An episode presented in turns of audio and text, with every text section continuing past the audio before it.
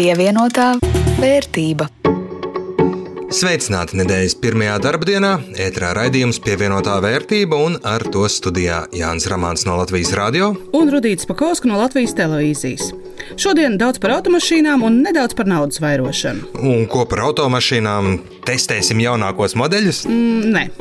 Parunāsim par elektroautorātu Latvijā, arī par automašīnu koplietošanas biznesu, par to, vai koplietošanas auto aizņem visas stāvvietas, vai samazina braucēju skaitu sabiedriskajā transportā, un kuri ir tie, kuri izvēlas izmantot koplietošanas auto. Būs interesanti. Bet kā ierasts, vispirms īsi par aktuālo.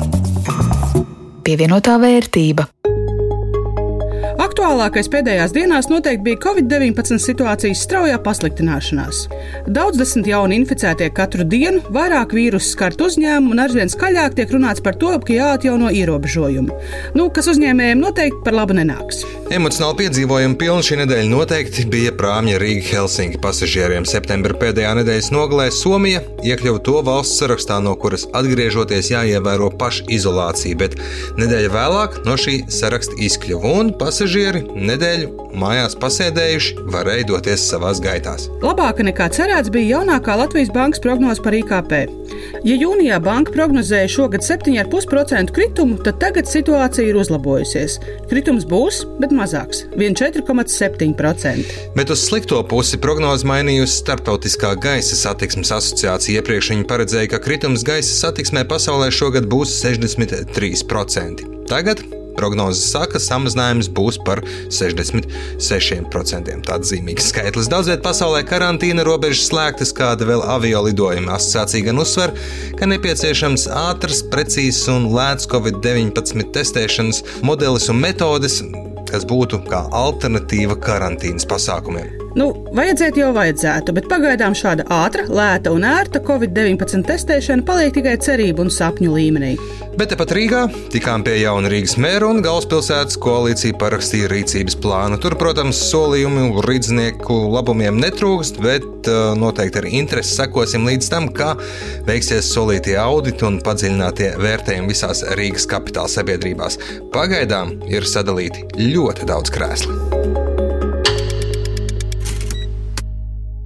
Teicienu par to, kas bija pirmais vista vai ola, parakstot elektromobilitātes memorandu, dzirdēju daudzreiz. Nu, jo laikam nekas jau labāk nepasaka to izaicinājumu, kad ir jāizlemj sākt ar elektroautorātu vai ar to uzlādes stacijā. Garlaicīga atbilde vajag abus un vienlaikus. Bet, lai labāk saprastu, kur tieši un ko vajag, pirms dažām dienām Latvijas energo CSDD un koplietošanas auto nozars uzņēmumi vienojās par sadarbību. Būtībā solījās apmainīties ar datiem un informāciju, lai uzlādes stacijas būtu tur, kur tās vajag lietotājiem. Dažu mēnešu laikā plānots izveidot sadarbības plānu, skaidroja akciju sabiedrības Latvijas energo tehnoloģiju un atbalsta direktors Kaspars Cikmačs.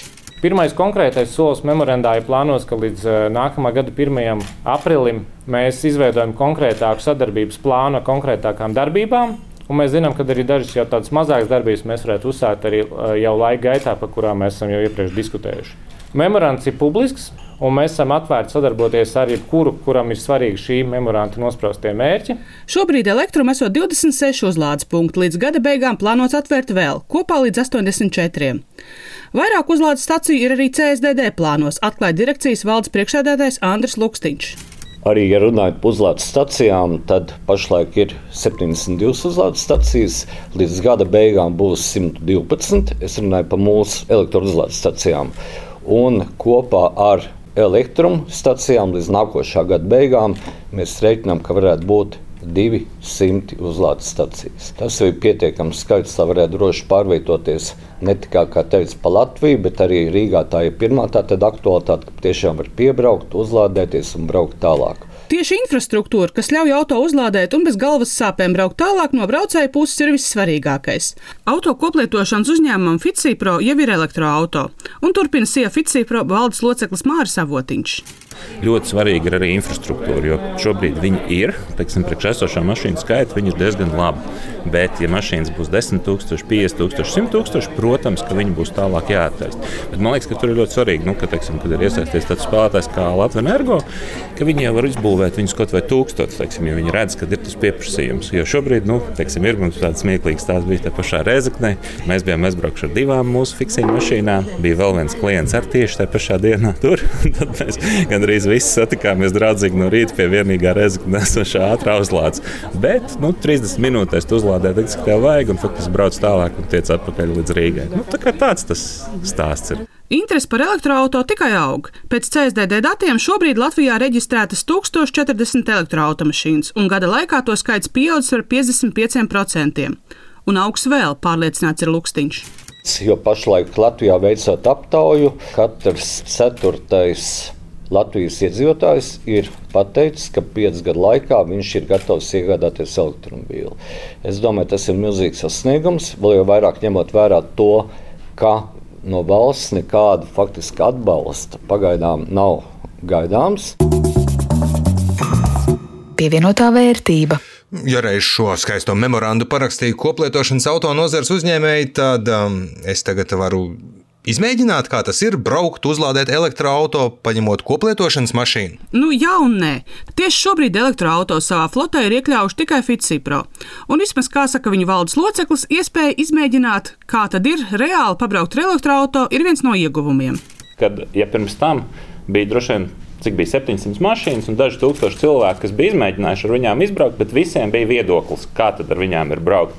Tad eh, šo divu pus mēnešu laikā ir apmēram 10,000 pat bijuši vairāk klientu, kas ir ieguvuši praktisku, reālu pieredzi. Viņi ir pamēģinājuši izbraukt, viņi ir sapratuši, ka aizbraukt teiksim, uz to pašu Liepāju, Daugaupili, Rēzekni īstenībā ir iespējams un tas ir pat ļoti ērti. Mašīnas šobrīd ripo vairs nevis 50, 100 km, kā tas bija dažus gadus atpakaļ. Viņas patiesībā ripo jau 300 un, un jau pat pāri. Bet pārējie uzņēmumi elektroautorātu plāno jau tuvākajā laikā.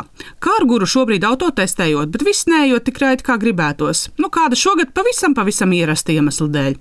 Turpina uzņēmuma vadītājs Vladimirs Raskājs. Mēs jau arī pasūtījām nākamas mašīnas, bet, diemžēl, dēļ eh, tās situācijas ar Covid ražošanas process nenotiek tik raiti, cik gribētos. Bet es domāju, ka šī gada beigas, nākamā gada sākumā mēs jau arī publiski palaidīsim elektriskas mašīnas. Jau pavisam tuvā nākotnē elektroautorāta varētu būt arī CTB. Egija Gailums, CTB Latvijas vadītājs, skaidro, ka vispirms jāatrod labākā marka un modelis. Nu, mēs negribam gluži nopirkt vienkārši tāpēc, ka viņa bija lēta vai tādēļ, ka elektroautorāta mēs skatāmies visas mašīnas, kā viņas ir labotas cik tas ir izdevīgi labot un cik liela iespēja, ka klients tiešām varēs aizbraukt uz Liepāju un atpakaļ. Un, līdz ar to nu, mēs plānojam, ka apmēram nu, līdz nākamā gada pavasarim, vasarai mums vajadzētu būt jau pirmajiem elektroautorātiem. Mūsu mātes uzņēmums Lietuvā viņi jau testē. Viņi testē jau tos elektroautorātus, un tad, nu, kad viņi būs iztestējuši, tad viņi veiks savu verdiktu, ok, šī ir pati labākā. Un tad nu, mēs ceram, ka līdz pavasarim būs. Pievienotā vērtība. Tik tālu par elektroautorātu, bet, ja reiz ir iespēja parunāties par koplietošanas auto biznesu Latvijā, tā ir jāizmanto. Nu, īsais kopsavilkums biznesam iet labi. Vai tas ir Covid-19 dēļ, kas lika vairāk novērtēt transporta līdzekli bez līdzbraucējiem, vai tas ir vienkārši tādēļ, ka arvien vairāk ļaudis labāk uz laiku iznomā auto, nevis iegādājas, ej nu sazini. Nu, katrā ziņā koplietošanas auto lieto intensīvāk nekā mūsu katra privāto mašīnu, uzsver avotiņš no fiksijas. Statistika ir tāda, ka 2% laika viņi tiek lietoti, 2 līdz 4%. Koplietošanas mašīnas, ja viņi ir pilsētas centrā, viņi nenostāv ilgāk kā 30 minūtes, teiksim, kad atkal nākošais klients viņu paņem un atkal kaut kur aizbrauc. Un savā ziņā nu, tur jau ir tā nākotne, ka tas, kas mums šeit ir, ka mēs to sākam lietot nu, efektīvāk. Bet kas ir tie patērētāji, kur izmanto auto koplietošanas pakalpojumu? To jautāja Gailumai no Citybī Latvija. Ir vairākas tās kategorijas. Ir viena kategorija cilvēku, kuriem ir savi privāti auto, un viņi izmanto kāršēringu, saplīst savus auto, vai jābrauc uz ballīti, tad viņi brauc vienā virzienā, tur to auto atstāja. Tad ir otra kategorija, kas ir jaunieši tieši, kuri izvēlās, ka viņi negrib kredītus, viņi negrib nekādus līzingus, nekādas hipotēkas, neko līdz ar to viņi izmanto kāršēringu. Mēs arī ļoti mēģinām sevi pozicionēt kā dzīves stilu. Ka tas nav vienkārši autonoma, bet tas ir dzīves stils, kādā tu dzīvo. Tu audzēji gan dabu, ka tu neuzliec sev nu, pienākumu tagad maksāt katru mēnesi fiksētu summu un tad vēl labot mašīnu, pirkt apdrošināšanas, visu pārējo. Tādēļ, jā, tiešām šobrīd iet reāli labi, un, un, bet es arī pilnībā redzu, kā šārings ir nākotne. Bet ko viņi saka par laiku pa laikam dzirdētām sūdzībām? Visas stāvvietas, koplietošanas automašīnas aizņēmuši, un pārējiem nav kur palikt. Bet īstenībā ir pretēji, jo viena, un šis ir pētījums gan no Amerikas, gan no visas Eiropas, viena kāršēringa mašīna ilgtermiņā, sākot ar diviem gadiem, viņi patiesībā spēja aizvietot vismaz sākot ar septiņām privātām mašīnām, un, kad jau tie sasniedz vismaz pieci gadi, tas ir īstenībā jau apmēram 15 mašīnas, ko viena kāršēna mašīna aizvieto. Līdz ar to pirmajā brīdī, jā, pirmajā dienā liekas, oh, viss parkings pilns, bet, ja mēs paskatāmies ilgtermiņā, īstenībā viņš atbrīvo tieši parking spotus. Un arī tas, ka auto koplietošana nozīmē, ka cilvēki atsakās no sabiedriskā transporta, esot mīts, uzsver reskājas no kārguru. Te vajag saprast vienu ļoti svarīgu lietu. Koplietošana neatņem klientus vai nu braucējus sabiedriskajam transportam. Jo pilsētas, kur ir attīstīta mašīnu koplietošana, var redzēt, ka arī palielinās braucienu skaits sabiedriskajā transportā, un cilvēki ar vien vairāk sāk izmantot kaut kādus alternatīvus pārvietošanas veidus.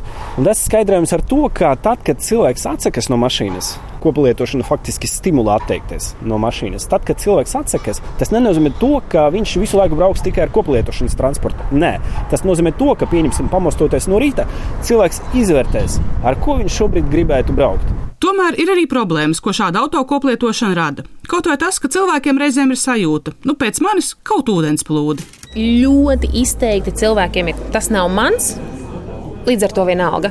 Es atstāju miskasti, es viņu nometu, kur pagadās. Piemēram, citreiz gadās cilvēki nopērk ko kādam citam priekšā. Viņiem pilnīgi vienalga, ja tā būtu viņa mašīna, viņi nopērkot normāli.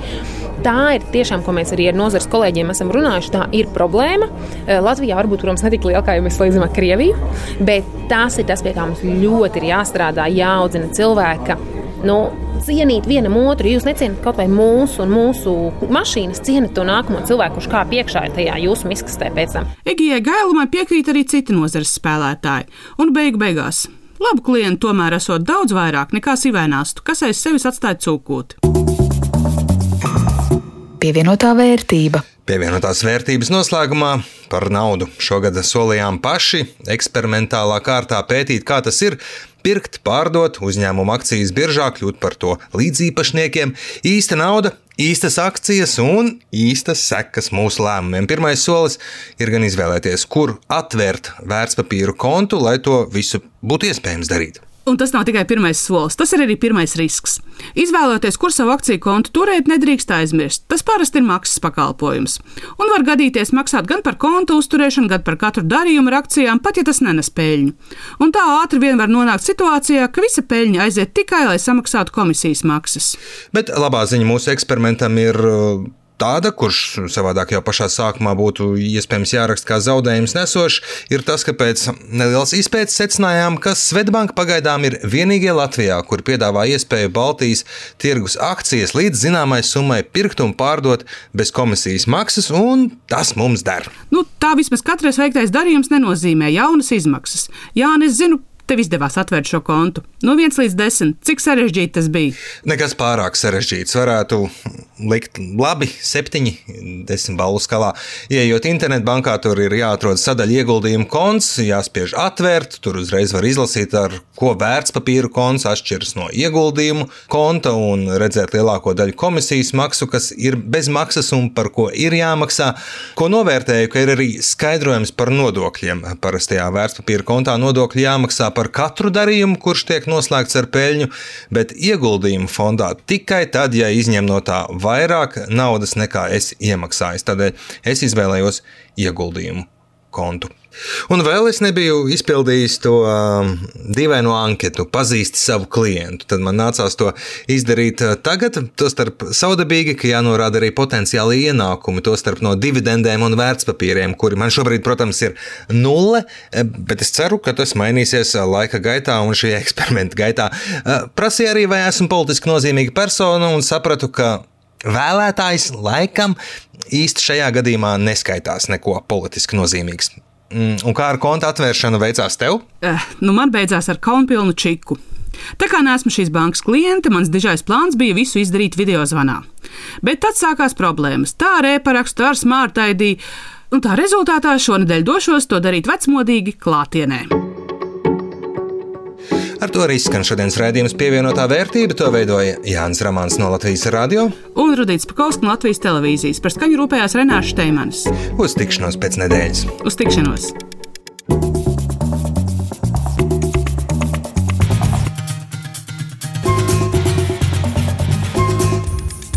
Pievienotā vērtība.